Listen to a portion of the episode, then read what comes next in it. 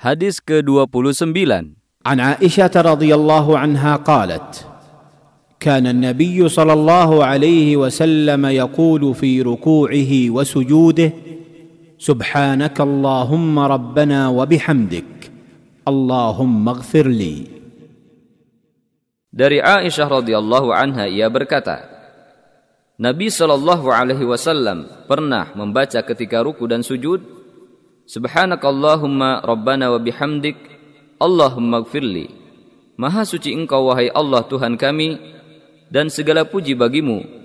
Ya Allah ampunilah aku. Hadis riwayat Bukhari dan Muslim dan ini lafaz Bukhari.